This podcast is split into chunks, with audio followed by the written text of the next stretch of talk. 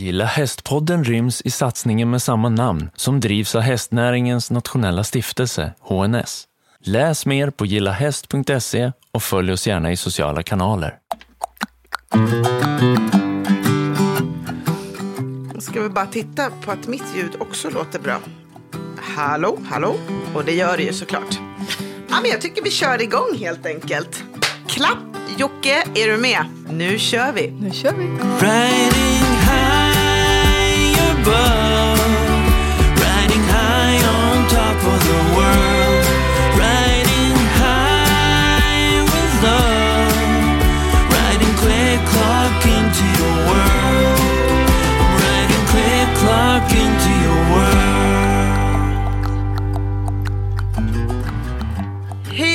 och välkomna till Gilla Häst-podden. Idag har vi ett superviktigt ämne att prata om. Homosexualitet. Vem är det vi ska träffa, Lisa? Idag ska vi träffa Liv Wallenberg som är en eh, eh modig, ung kvinna som eh, du Malin upptäckte kan man väl säga genom att det var ett stort reportage om Liv i DN. Mm, och då ska jag verkligen säga så här, vi har så fantastiska lyssnare så att jag ska inte ta åt mig äran själv, utan vi, jag fick den skickad till mig och blev ju såklart jättenyfiken. Men förstår du då hur podden också gör skillnad och hur de här fantastiskt modiga gästerna vi har eh, också gör skillnad? Precis. Och anledningen till att vi vill ha med Liv i podden är ju dels hennes eh, historia där Liv valde att eh, komma ut som lesbisk i eh, sommaren till nian. Liv går i högstadiet. Och eh, detta resulterade då i en storm av eh, hat, eh, trakasserier, eh, mordhot och man känner bara lite så här, men vänta, har vi inte kommit längre 2022? Och Livs kärlek till hästen Ikaros också, som hon själv beskriver som ett antidepp och kanske en stor anledning till att hon orkade ta sig igenom den här perioden. Ja, jag tycker att vi ger oss till samtalet direkt. Det gör vi. Häng med! Häng med! I'm riding quick clock into your world. Hej och välkommen Liv till Gilla Hästpodden. Vi är så himla glada att ha med dig här idag. Välkommen. Tack så mycket. Tack.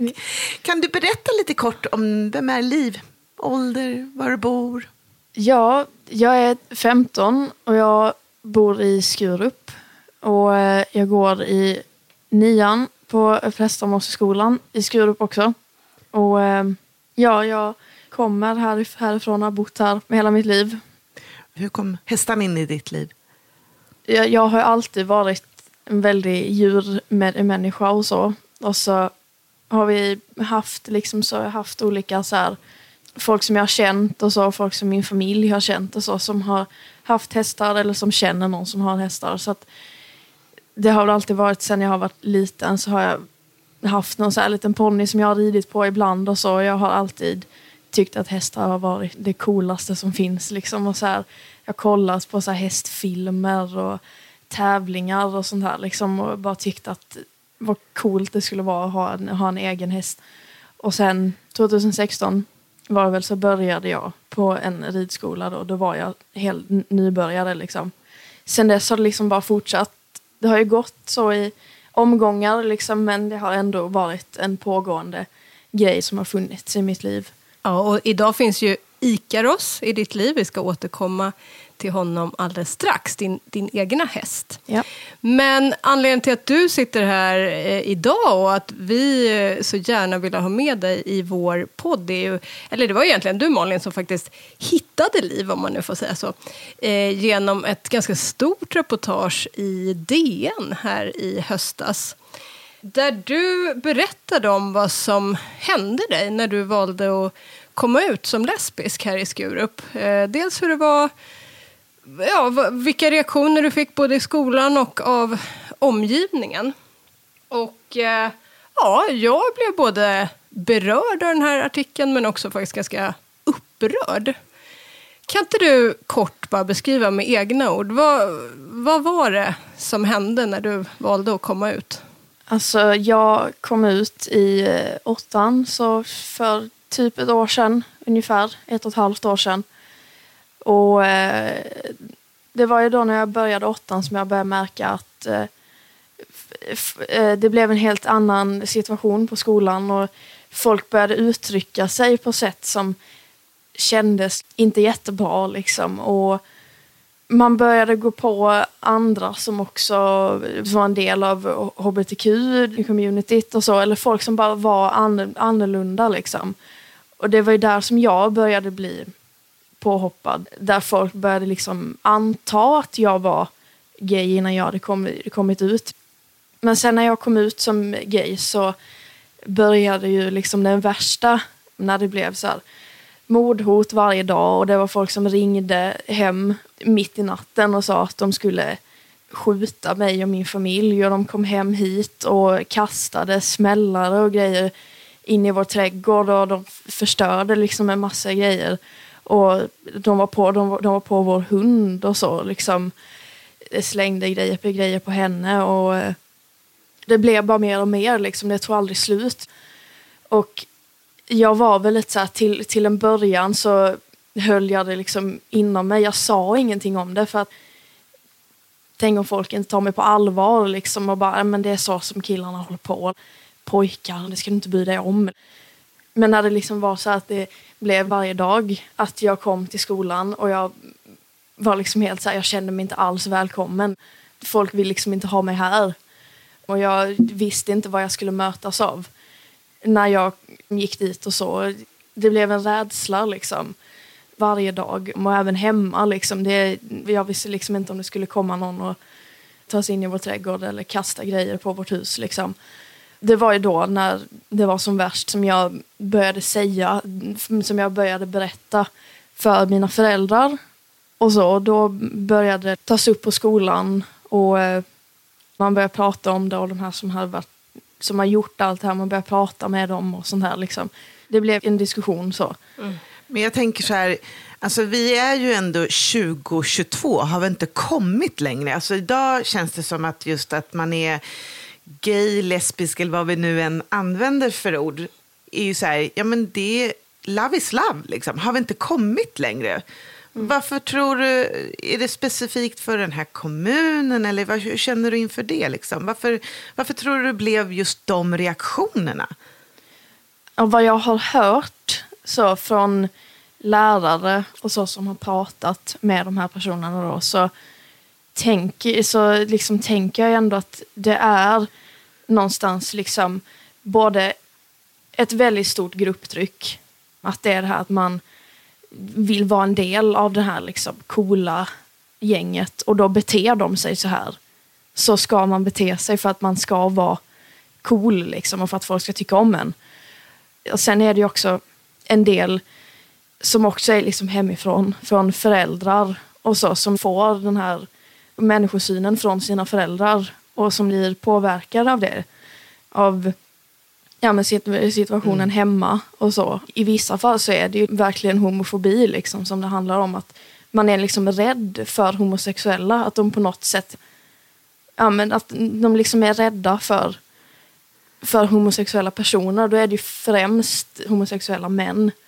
För att det är just killar som är rätt så drivande i det här, som är så här, de som verkligen har hållit på och säger, säger allt det här till mig och gör, gör så här mot mig och mot andra som också har varit utsatta. Liksom. Så det är ju främst homosexuella män som de har någonting emot. Men tror inte du att det bygger lite grann också på rädsla? Jag tänker så här att också just att, även om du, som du säger att det kommer från familjen, liksom, att tänk om någon av de här föräldrarna som då har fostrat med de här åsikterna skulle få hem en, sitt barn, flicka eller pojke spelar ingen roll, som skulle bli gay. Alltså den reaktionen. Jo, det tror jag säkert också skulle, det skulle nog bli en rätt så svår situ- eh, situation tror jag. Bara att handskas med det liksom. Att det, ja, jag tror absolut att det skulle bli väldigt starka reaktioner, reaktioner på det. Du beskrev så himla bra här innan. Du gav ju rätt många konkreta exempel. Det handlade ju inte bara om eh, blickar och glåpord, utan det var smällare, det var de gav sig på din hund, det var hotsamtal, det var mordhot.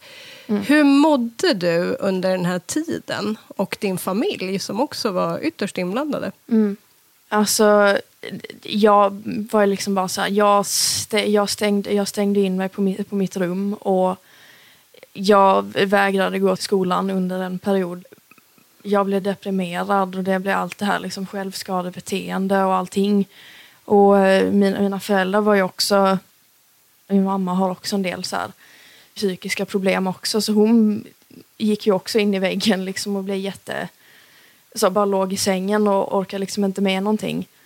Och vi kunde sitta och så här, gråta i varandras famn så här, när någonting hade hänt mig. Man satt liksom och var helt så här, spänd hela tiden. Bara så här, kom, kommer det hända någonting? Kommer någon komma hit och göra något mot oss? Eller kommer det ringa någonstans? Liksom, vi är fortfarande så här att vi svarar inte på så här okända nummer och så. För det kan vara någon som ringer och eh, mordhotar igen. Så att, ja, det var en rätt så tuff period.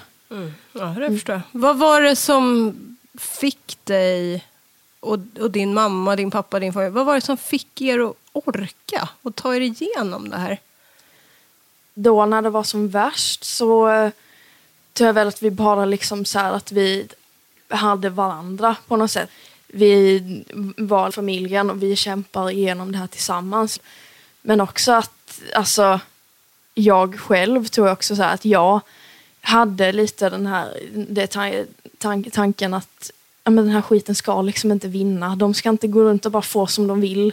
Att jag bara ska försvinna liksom jag förtjänar att vara här precis lika mycket som er. Så att jag tänkte att men, de ska inte få liksom bestämma över mig och mitt liv. Mm. Så att det var väl egentligen det som fick mig att orka. orka oh, jag får gåshud. Oh. Ja.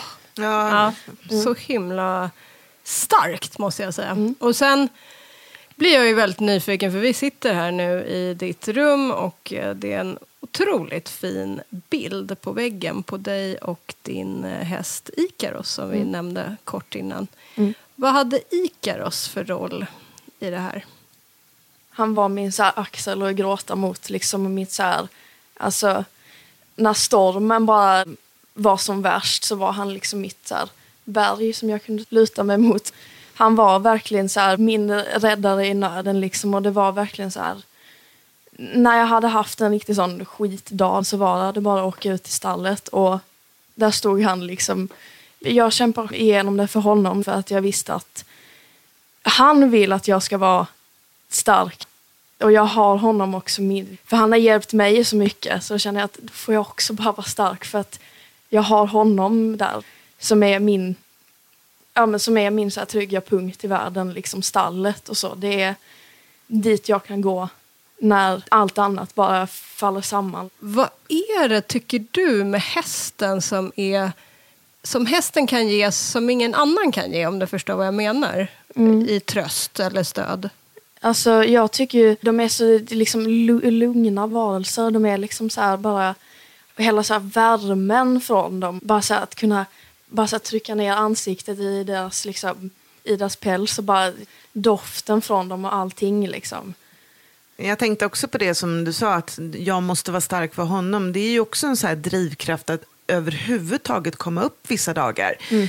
Mm. Och det har vi ju hört med andra som vi har poddat med också, just att, att, det att man, man får så mycket av hästen, men då vill man också vara där och ge tillbaka. Och sen är det ju så att hästar kräver ju faktiskt en omvårdnad och det är kanske tur det. Mm. Att man måste finnas där, för då måste man också finnas för sig själv. Ja. Så det tyckte jag var väldigt bra beskrivet faktiskt. Myrby stallinredning. Vi gör dina stalldrömmar till verklighet. Egen produktion och lager i Enköping. 50 års erfarenhet. Vi bygger stall som håller länge. För dig, miljön och plånboken.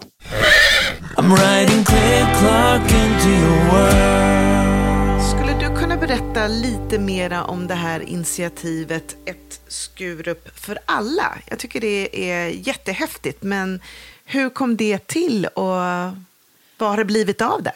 Ja, eh, det kom till egentligen när min pappa skrev ett långt inlägg på Facebook om eh, en incident då som hade hänt eh, kring mig då. Där jag, det var ett sånt, jag hade fått liksom i ansiktet att jag ska döda dig. Och eh, då skrev han ett jättelångt inlägg om det. Och sen så såg då hela vår ordförande då, Monica Svensson, hon såg det här och eh, flera andra så här föräldrar med barn som har varit med om samma grej på samma skola. Så då bara, men shit, att det här liksom händer så.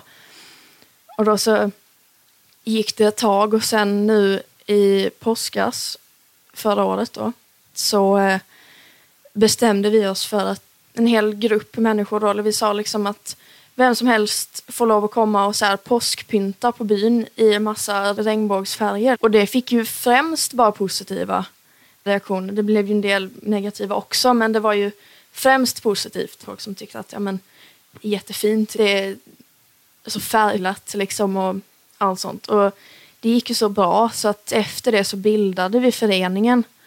Och eh, under sommaren så eh, fixade vi allt det här med så här, styrelse och allt det här. Så att det blev en riktig förening liksom. Och eh, under sommaren så började vi också planera för Skurups första Pride. Eh, Prideveckan och så vi hade i oktober. Så att eh, det blev ju så liksom målet under hösten. Och sen så kom liksom hela Prideveckan och så. Och vi pyntade liksom överallt. Det var i typ hela Skurup så var det liksom Pride-pynt överallt. Och det var på skolan också. Och på skolan fick du en del inte så jättepositiva reaktioner. Och det var också folk i min ålder som tyckte att men man ska inte hålla på och visa politiska åsikter och så i skolan tyckte de. Och de tyckte att Pride var någon slags politisk... Hur kan det vara en politisk åsikt? Ja, men det var... Dåligt upplysta skulle jag vilja säga, Ja. ursäkta. Ja, men det, och sen så var det massa sådana här, de startade så här namn, namn, namninsamling och så för att man skulle ta ner pyntet och så att man inte skulle ha någon Pridevecka i skolan. För de tyckte att det var fel och så liksom att Hade du stöd från vissa elever? Alltså man säger, var det fler än du bland ungdomarna och eleverna som slöt upp? Ja, det var, alltså det var jättemånga unga, unga och så som var med under både när vi pyntade till, eh, till påsken och även under priden. Vi var ett helt gäng unga som vi hade vår, på, på, gå, eh, på gågatan här uppe så hade vi en så här pride lounge. Och där hade vi varje dag så var det ju grejer där och då var det ju gäng ungd, ungdomar som kom liksom varje dag. Så det var ju jättefint och så att det var fler unga som kom också. Har, eh, vad ska man säga, stora Pride-paraden eh, uppmärksammat det här initiativet? Ja, alltså det blev ju väldigt... Alltså det var ju riktigt så här liksom wow att lilla Skurup Ja. gör något sånt här liksom. För mig också personligen så var det liksom så här att det här liksom hände på så kort tid. Att det blev sån fin uppslutning också. Vi var typ 1200 pers sammanlagt under dagen. Både i Wow. paraden Wow. och torget och så överallt. Det var jättesjukt liksom. Och så hade vi dagen efter på söndagen en så här gudstjänst i kyrkan. Och det var ju en sån här regnbågsgudstjänst typ.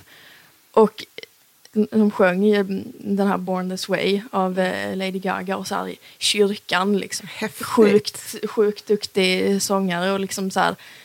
Då bara bröt jag ihop och bara shit, alltså det här är så, det här, det här är liksom så här, så fantastiskt liksom att allt det här har hänt, att det är så många, jag har träffat så många genom det här. Alltså, det var bara helt så här, shit. Men du är ju en sån förebild att verkligen ta det från ord till handling och också just att liksom inte låta de här mörka krafterna få vinna. Jag tycker att jag blir verkligen superimponerad av ditt mod. Eh, Ja. För du är ju faktiskt inte så gammal heller och att stå upp för för sin egen rättighet och stå upp mot de här människorna som faktiskt vill en illa är otroligt imponerande. Ja, men och jag tycker sådana som du måste verkligen lyftas. För jag menar stort eller smått, jag är ju själv tonårsförälder, att våga liksom stå upp för den man är men också inte låta folk behandla en.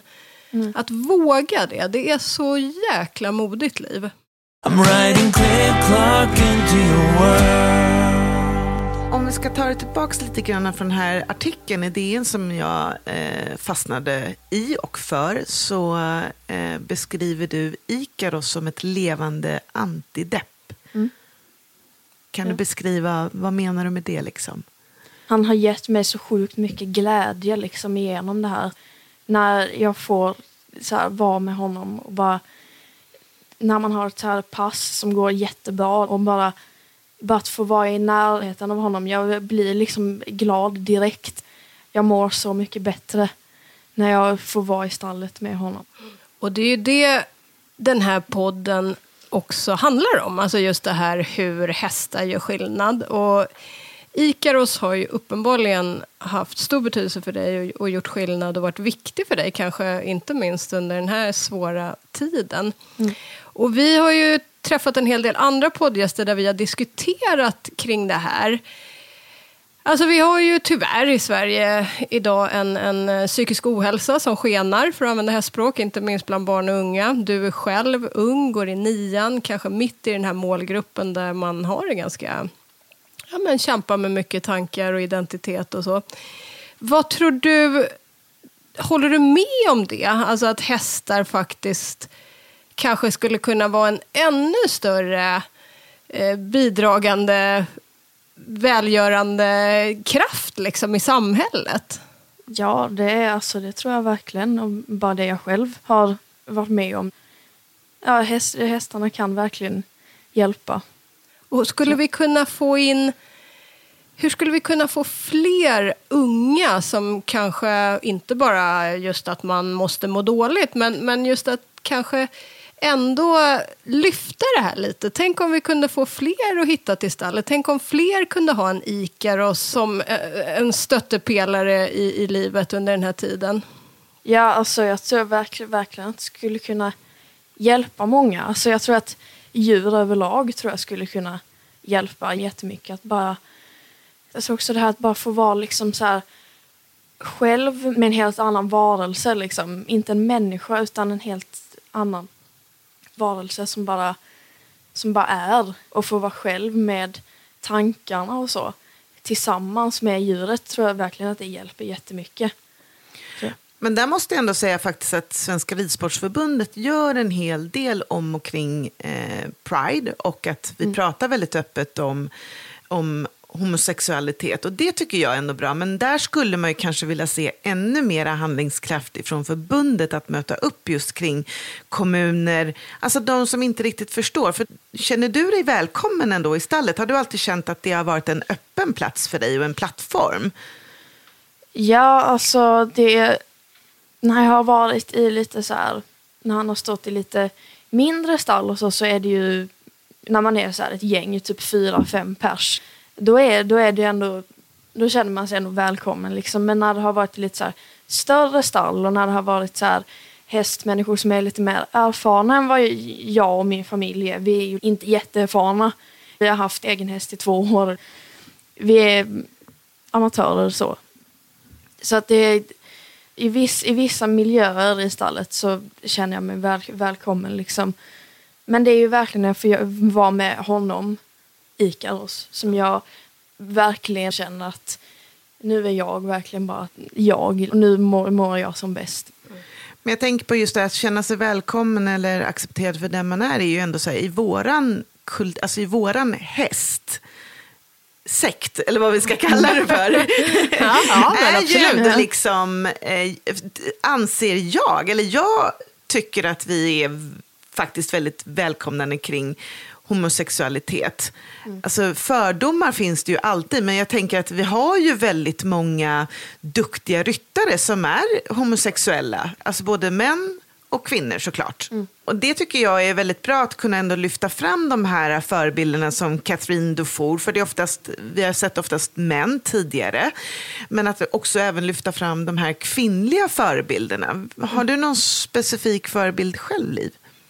Ja, alltså inom rids, ridsporten så är det ju verkligen eh, Katrin Dufour, eh, dressyrryttaren. Hon, hon är verkligen så här, jag blev helt liksom så här när jag, när jag, eh, när jag fick reda på att hon var gift med en kvinna var liksom så här, jag blev helt så här bara, va? För jag, hade- för jag hade liksom inte sett det förut inom ridsporten. Jag hade liksom inte sett så många lesbiska kvinnor. Så att det var verkligen så här, wow, henne ser jag upp till. Och det är där jag menar att vi måste lyfta fram de här fina förebilderna som också ja, men på något sätt visar på att det är cool, det är chill att vara gay, lesbisk, bög, vad vi nu än vill sätta för etikett på allt det här. Så att det är ju superbra tycker Det är jag. också det här som är så skönt med hästar. För jag menar, Ikaros bryr ju sig inte det minsta om Nej.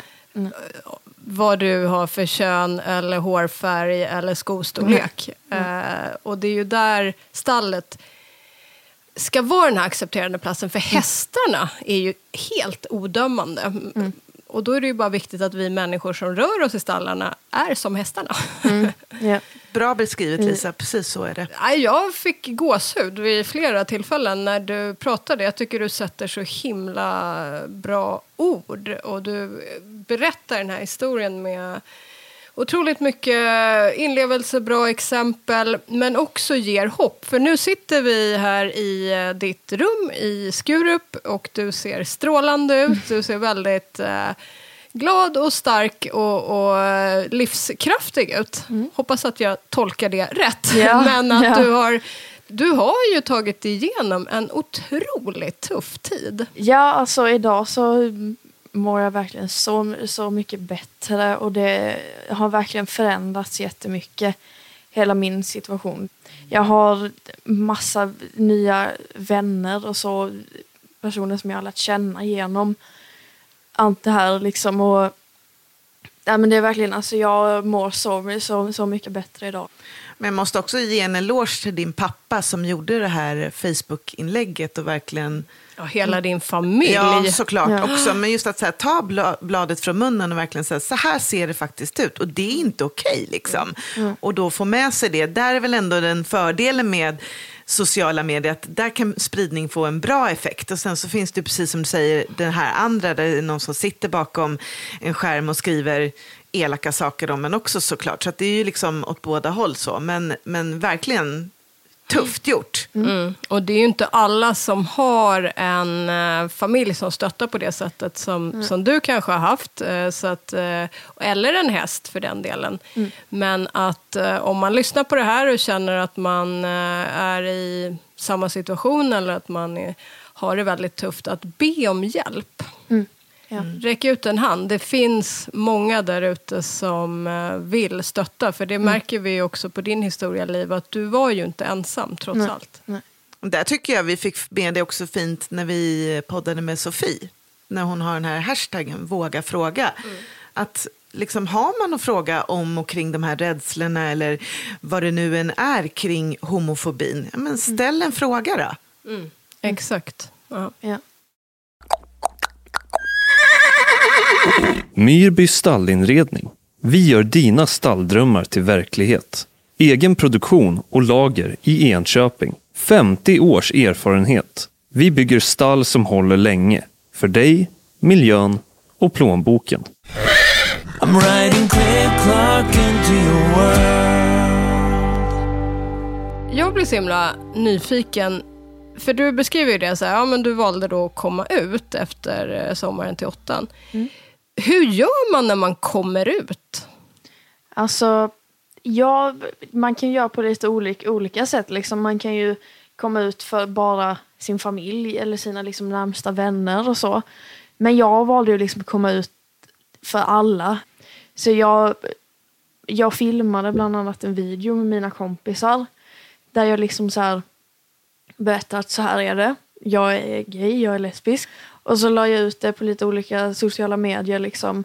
Och det var många som såg det då liksom. Från eh, min skola och så. Det var så jag jag gjorde. Men alltså det finns ju så många olika sätt man kan göra det på. Man kan komma ut liksom helt offentligt eller bara till liksom sin närmsta krets. Men jag tänker på när du la ut det där på sociala kanalerna. Möttes du av stöttning eller var det en shitstorm som kom med det?